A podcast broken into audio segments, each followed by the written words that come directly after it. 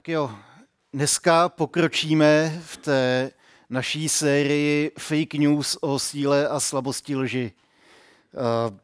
Když jsem dával dokupy tady tu sérii, tak jsem přemýšlel, jakým způsobem vlastně nás lež dokáže oklamat, jakým způsobem lži jsou nebezpečný.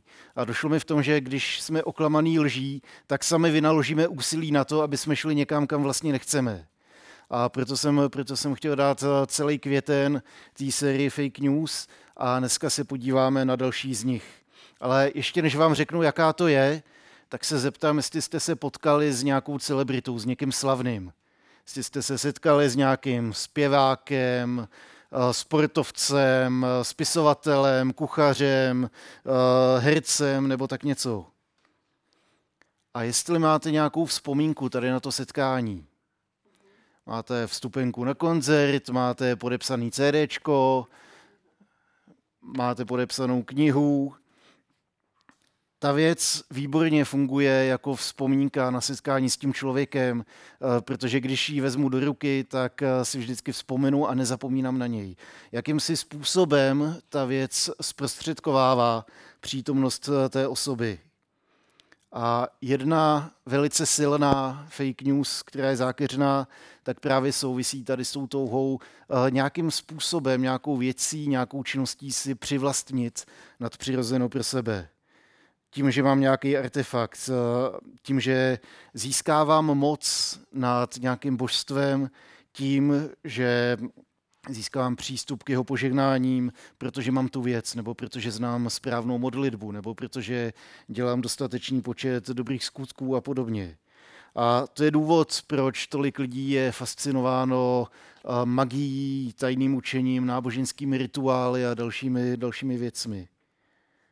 Síla lži, která tady zatím stojí, tak říká, že to nadpřirozeno si můžeme uvázat na špagát z dobrých skutků, ze správných modliteb nebo tím, že máme nějakou, nějakou věc, která souvisí s tím.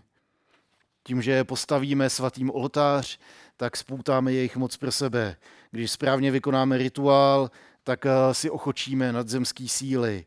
Když vykonáme dobrý skutek, tak nám Bůh bude zavázán a bude nám muset plnit naše přání. A tak dále, a tak dále. A největší slabost tady té lži spočívá ve znovu zaměření pozornosti na Ježíše. Tady ta a prakticky jakákoliv další fake news padá okamžitě, když zaměříme svoji pozornost na Ježíše. Jakmile si uvědomíme, že ať už ty naše artefakty jsou sebe zajímavější, tak jsou právě jenom to, jenom nějaké věci. Vzpomínky na někoho. Podepsaný CD není zpěvák. Podepsaná kniha není její autor. Fotka není událost, na který jste se setkali s někým důležitým. A za chvíli se podíváme do Lukášova evangelia na příběh, ve kterém učeníci právě ztratí tady to životodární zaměření na Ježíše a nechají se zmást tím, co je vidět. Společně se s váma chci podívat na příběh v Lukášově evangeliu a podíváme se, jak modlitba proměňuje, jak srdce může klamat a uslyšíme, jak Bůh mluví. Takže je to Lukáš 9, 28 až 36. Asi po týdnu vzal k sobě Petra, Jakuba a Jana a vystoupil nahoru, aby se modlil. Zatímco se modlil, změnil se vzhled jeho tváře, jeho oděv zbělel a rozzářil se. A hle, mluvili s ním dva muži. Byli to Mojžíš a Eliáš, kteří se ukázali ve slávě a mluvili o jeho odchodu, k němuž mělo dojít v Jeruzalémě. Petr a jeho druhové však byli přemoženi spánkem. Jakmile se probudili, uviděli jeho slávu a ty dva muže po jeho boku. Když se od něj začali vzdalovat, Petr Ježíše oslovil. Mistře, je dobře, že jsme tu. Uděláme tu tři stánky, jeden tobě, jeden Mojžíšovi a jeden Eliášovi. Nevěděl ale, co říká. Než to dořekl, objevil se oblak a zahalil je. Když se ocitli v tom oblaku, dostali strach. Z oblaku se ozval hlas, toto je můj syn, můj vyvolený, toho poslouchejte. Když ten hlas dozněl, našli tam jen samotného Ježíše. Zůstali sticha a v těch dnech nikomu neprozradili, co viděli. Velice známý, velice zajímavý text. Nevím, co se děje, když se modlíte vy, ale trufnu si říct, že takovýhle zážitek asi, asi nemáte. Možná jo a pletu se a pak se, pak se na to zeptám podrobnějš, ale modlitba může a měla by naší pozornost zcela přikovat k Ježíši a proto nás může proměnit. Učeníci toho byli svědky. Ježíš se modlil a jeho vzhled byl proměněn. Ježíš se modlil a byl tam Eliáš a Mojžíš. Ježíš se modlil a zazněl boží hlas. V tom textu je celá řada zajímavostí, kterým se a, nemůžu věnovat tak moc, jak bych chtěl, takže to můžete brát tak jako pozvánku, přečíst si důkladně ten text doma a pořádně to prostudovat. A, a věřím, že tam je spoustu materiálů k diskuzím, protože každý slovo tam nese velikou, velikou hloubku. Ten text najdete ve všech synoptických evangelích Marek, Matouš, Lukáš, a je to jeden z těch základních eh, příběhů o Ježíšovi, který je důležitý vědět. Předchází mu Petrovo vyznání víry, kdy Ježíš se ptá, za koho mě pokládají lidé a co si o mě myslíte vy. A Petr říká, ty jsi Mesiáš, ty jsi boží syn. Hned na to následuje Ježíšovo učení o tom, co to znamená být mesiášem. Že to neznamená být mesiášem ve smyslu eh, politický, válečný vůdce, který eh, vybije Římany a bude dobře. Že být mesiášem znamená být zavržen, trpět, být zabit a vzkříšen. Ježíšova slova o následování jdou potom. Kdo chce jít za mnou, zapři sám sebe, nes svůj kříž a následuj mě. A tady ta událost Ježíšova proměnění funguje jako další vysvětlení, další objasnění to, kdo Ježíš je. A ten text by se dal nakrájet na několik způsobů. Dalo by se mluvit o tom, co učedníci viděli a neslyšeli, a potom o tom, co slyšeli a neviděli, nebo by se to dalo nakrájet třídílně, pokud vám dva jsou málo, a to se, to se dá říct podle o tom, že modlitba proměňuje, o tom, jak lidské srdce může klamat a o tom, co říkal Bůh. A tady té struktury se přidržím i já. Modlitba proměňuje. V modlitbě se přibližujeme k Bohu a boží blízkost nás proměňuje. To, když mluvíme s Bohem, nás proměňuje. To, když čteme Bibli, nás proměňuje. To, když ji studujeme, nás proměňuje. A když si vyhradíme čas pro to, abychom se stáhli z toho hruchu světa, aby jsme se na chvíli zastavili, zpomalili, stišili a začali naslouchat, tak není to to naše zastavení, to naše čtení, to naše modlení. Je to boží blízkost, co nás proměňuje a my jsme víc a víc podobní Ježíši. To Lukášovo vyprávění nás zavede nahoru, kde se Ježíš modlí. A to, když se Ježíš modlí, tak to předchází většině důležitých událostí, které pak následují v Lukášově evangeliu. Ježíš sebou vzal tři učedníky, protože chtěl, ať oni vidí, jak se modlí.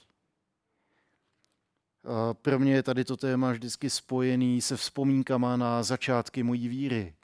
A a když jsem uvěřil, tak mě velice inspirovaly modlitby vedoucích mládeže, ve který jsem byl, nebo pastorů, kteří kázali a, a já jsem říkal, jo, takhle bych to chtěl jednou umět. Ne, ne kvůli ním, ne, ne kvůli sobě, ale že, že prostě tam bylo něco, co mě fascinovalo.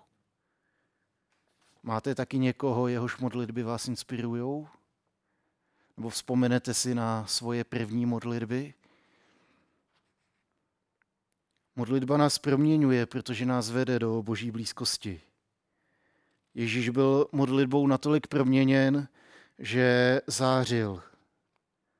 Znalcům Bible se možná vybaví text eh, z Exodu, kdy Mojžíš tráví čas v hospodinově blízkosti a je tím proměněn.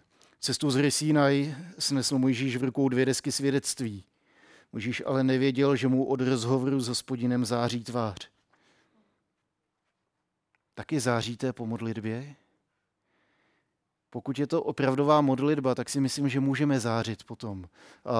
Asi ne, takže bych si posvítil na čtení, ale spíš v tom smyslu, že něco se děje v nás, něco z té boží životodárné přítomnosti na nás ulpívá a to z nás vyzařuje.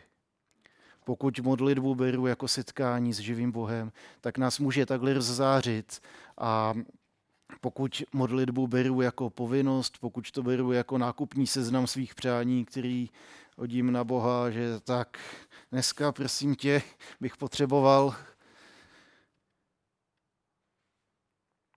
Ježíšovo proměnění nahoře hraje obrovsky důležitou roli svědectví. Petr vírou vyzná, že Ježíš je Mesiáš, že je Boží syn.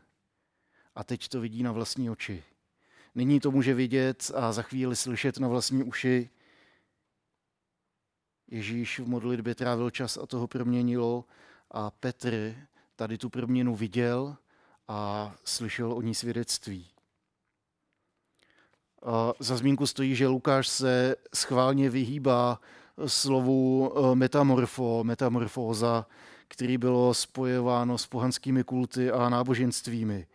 To slovo e, znamená viditelnou vnější proměnu nebo taky proměnu charakteru. Ale na rozdíl od pohanských mýtů a rituálů a náboženství, ta proměna nespočívá v tom, že správně řeknete zaklínadlo, že správně se pomodlíte, že vykonáte 12 dobrých skutků o půlnoci, ale že ta proměna pramení z boží přítomnosti, která nás připodobní Ježíši, za kterým jdeme.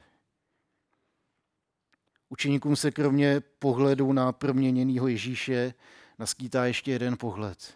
Oni vidí Mojžíše a Eliáše. Mě by zajímalo, jak poznali, že to je Možíš a Eliáš. To je, to je jenom takový detail a námět k diskuzím. Ale on s nima rozmlouvá o svém odchodu. Doslova je tam použitý slovo exodus. Ježíš rozmlouvá o Mojžíši a, a s Eliášem o svém exodu, o svém odchodu, který mu má dojít v Jeruzalémě. Mojžíš a Eliáš, dvě nejvýznamnější postavy židovské víry. Pokud řeknete zákon, tak jedním dechem k tomu dodáte Mojžíš. Pokud řeknete prorok, tak vás asi nenapadne větší než Eliáš. Pokud se uh, podíváte do židovských tradic, tak tady ty dvě jména uh, prakticky stělesňují to, čemu my říkáme starý zákon. Moží zastupuje zákon, Eliáš zastupuje proroky. A Lukáš, když mluví o Bibli, o starém zákoně, tak říká zákon a proroci. A teď tady vidíme Mojžíše a Eliáše. Oba dva, Mojžíš i Eliáš, podle židovské tradice, byli uchváceni do nebe. Pro Eliáše je to doloženo v druhý královský a o Mojžíšovi se vytvořila lidová tradice, která tady to potom, eh, potom říkala a dokládá to třeba Josefus Flavius eh, v židovských starožitnostech. Mojžíš i Eliáš představují zákon a proroky. Možíš reprezentuje zákon, který Ježíš naplnil, Eliáš reprezentuje prorockou část Bible, která předpovídá příchod Mesiáše, která svědčí o tom, že přijde ten boží služebník, který zachrání svět. Zástupci zákona a proroků. Mojžíš vykoupil Izrael ze zajetí a konal znamení a zázraky. A když Mojžíš poprvé navštěvuje Izrael, tak ho odmítnou. Je odmítnut. Eliáš konal zázraky, a autoritativně zvěstoval boží poselství a vydával Izraeli důrazná varování a taky trpěl jako pronásledovaný prorok. Oba muži patří do říše boží slávy, kam nakonec směřuje i Ježíš. Oba dva jsou jako světkové z nebe, kteří oba dva zažili odmítnutí Izraelem a tak potvrzují pravdivost Ježíšových slov, že má podstoupit odmítnutí, utrpení a smrt. Když se Ježíš modlil, tak se děly věci. A modlitbu nám zanechal, aby my jsme mohli zažívat něco podobného. Ta druhá část našeho textu je verš, ve kterým Petr nadšeně říká, mistře, je dobře, že jsme tady a chce postavit tři stany. Lukáš připomíná, že, a to je jeden z dobrých textů, on vůbec nevěděl, o čem mluví. Mistře, je dobře, že jsme tady. Postavíme tři stany. Tobě, Eliášovi, Mojžíšovi. Ježíš právě rozmlouvá s Mojžíšem a Eliášem o svém odchodu a Petr se je všechny tři snaží přivázat k tomu místu tím, že jim postaví tři stany. Stan totiž není něco, co vás ochrání před sluncem, deštěm a větrem, ale připomíná boží mobilní svatyni, ve který přebýval hospodin, než byl postaven chrám. Petr vlastně navrhuje postavit tři oltáře, každému jeden, každému svatýmu jeden oltář.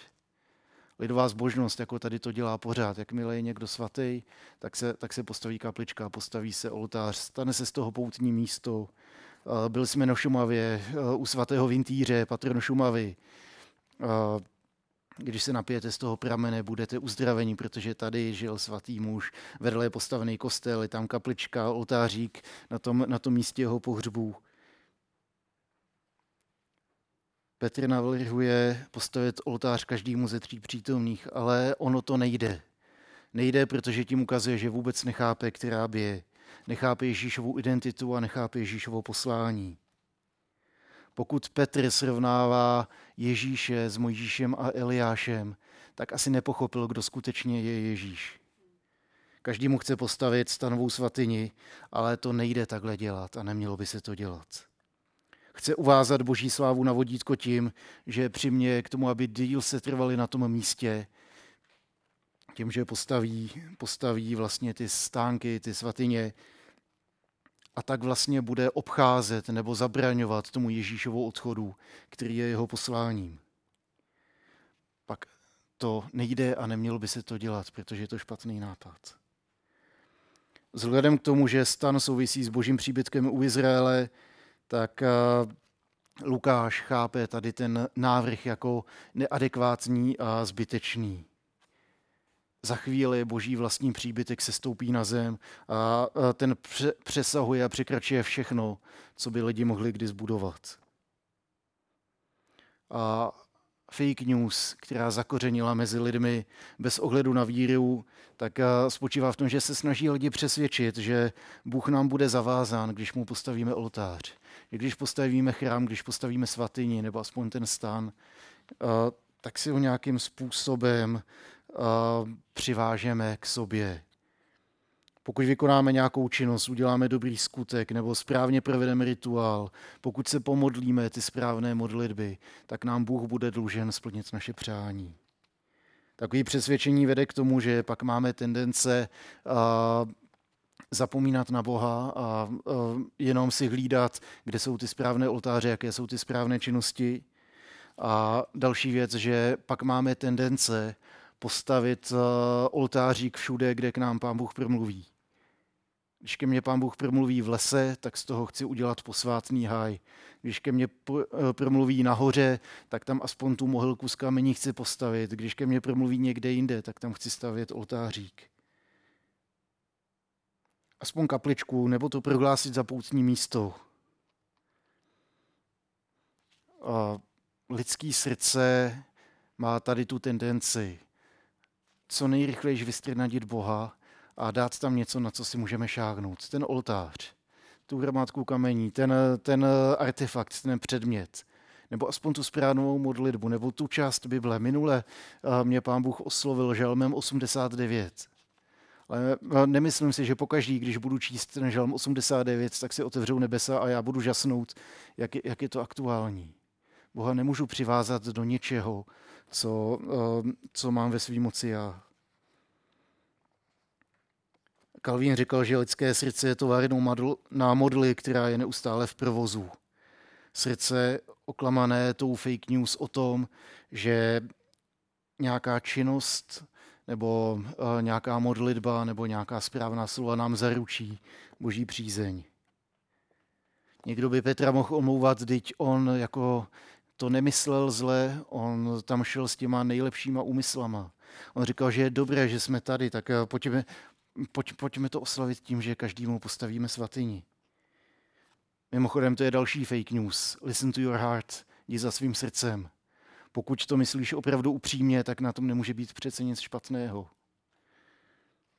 Jenže když jednáme upřímně a z čistých pohnutek, taky ty upřímný a čistý pohnutky našeho srdce nás můžou svést na cestí úplně stejně dobře jako satanovi lži. Petr měl pravdu v tom, že Ježíš říkal, že je dobře, že jsme tam, ale nepochopil důvod, proč jsou tam. Je dobře, že jsme zde, protože jsme viděli potvrzení svědectví víry, kterou jsme vyznali předtím. Je dobře, že jsme zde, protože já jsem v tebe uvěřil a teď jsem to mohl vidět a slyšet na vlastní oči. Je dobře, že tam byli, aby byli svědky zjevení toho, čeho se matně dotýkali svojí vírou. Nyní viděli Ježíše v záblesku budoucí slávy. A poslední část toho textu, kdy Bůh mluví z oblaku, kdy z nebe zazní hlas, tak je to vlastně odpověď na otázku, kdo je Ježíš. V osmé kapitole se učedníci ptali, kdo to jenom je ten Ježíš, že dokáže utišit i bouři, že ho i vítr a vlny poslouchají. A v deváté kapitole se Herodes ptá, kdo to jenom je, protože si neví rady. Je to ten Jan Křtitel, není to ten Jan Křtitel, kdo to jenom je, že za ním táhnou takový zástupy. A ta otázka, kdo to jenom je, tak je nyní definitivně zodpovězena samotným Bohem. Po zjevení pro oči přichází zjevení pro uši. Z nebe zazní hlas a říká, toto je můj vyvolený syn, toho poslouchejte. Schválně jsem četl na začátku bohoslužby ten text z Ježíšova křtu, kde zazněly velice podobná slova, velice podobná situace. Je tam Ježíš a z nebe zazní svědectví o něm. Toto je můj milovaný syn, toho jsem si oblíbil. Toto je můj vyvolený syn, toho poslouchejte. Bůh zjevuje Ježíšovu pravou identitu, kterou učeníci předtím poznali vírou. Jenže Ježíš je mnohem víc než Mojžíš a víc než Eliáš. Je naplněním zaslíbení, který předpovídali a dokonalým naplněním eh, předobrazů, který zastupovali. Učeníci mají Ježíše poslouchat. Mají ho poslouchat, protože ho poznali, protože poznali, jak je dobrý, protože s ním trávili spoustu času a protože jim byli fascinováni. A Ježíš je víc než Mojžíš a víc než Eliáš. Je víc než naděje Izraele, je víc než Bible, kterou čteme a je víc, než si častokrát chceme připustit. Ježíšova slova stojí za to poslouchat a řídit se jimi. Je v nich moudrost, je v nich moc, je v nich vysvobození, je v nich eh, svoboda, je v nich život.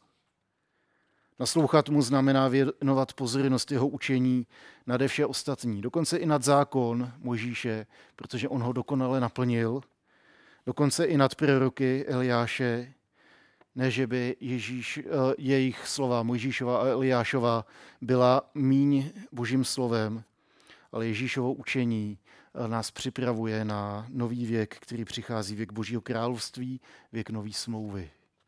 Věk, který začíná s Ježíšem. Ježíš se Mojžíšovi a Eliášovi nejenom vyrovná, ale je mnohem větší, protože celý starý zákon k němu odkazuje, on o něm svědčí a Ježíš dokonale naplňuje všechny tady ty proroctví. Mimochodem, eh, pokud budete chtít, tak vám můžu poslat, mám do, eh, našel jsem seznam 360 360 proroctví ze starého zákona, pardon, 760 proroctví ze starého zákona o Mesiáši a přímo o Ježíši. Je tam seznam 300, 307 a 353 eh, proroctví, který říkají, až přijde Mesiáš, tak to poznáte. A máte tam průřez celým starým zákonem. A pak máte průřez celým starým zákonem eh, a tím, kde se to naplňuje v Ježíši. Ježíš naplňuje všechny ty předobrazy, eh, které jsou vlastně jenom stínem toho, co má teprve přijít v něm. Při modlitbě se můžou dít věci a díky modlitbě se dějou věci. A až se budou dít, tak se tím nenechte rozrušit natolik, abyste ztratili Ježíše ze zřetele a byli fascinovaní těma věcma. Až se ty věci budou dít, tak oslavme Ježíše protože pokud to neuděláme, tak si to budeme chtít přivázat na špagát z dobrých skutků, na to, že se to vlastně stalo, protože já jsem přece splnil všechno, co jsem měl, nebo protože jsem vybudoval oltářík, nebo protože ho budu chtít vybudovat, až Ježíš odpoví. Velice snadno bychom s Petrem mohli začít stavět oltáře Ježíši svatým a všem místům, kde jsme se s Bohem setkali. Nedovolte nikomu a ničemu, ať váš pohled odstřihne od Ježíše tady na ty věci, na splněný přání. Nic nás nemůže okrást o společenství s Bohem a nenechme fake news eh, okrást eh, to společenství s Bohem tím, že se ho budeme chtít přivázat na ten špagát z dobrých skutků. Namísto těch falešných zpráv o následování svého srdce, o tom, že je potřeba vykonat správným způsobem ty rituály, tak poslouchejme ten hlas z nebe, který říká, toto je můj milovaný syn, toto je můj vyvolený syn, má vyvolaná dcera, tebe jsem si oblíbil. Poslouchejme Ježíšův hlas, který přináší tu životodárnou proměnu. A díky Ježíši nám potom můžou patřit ty slova z nebes. Toto je můj milovaný syn, toto je má milovaná dcera, tebe jsem si oblíbil.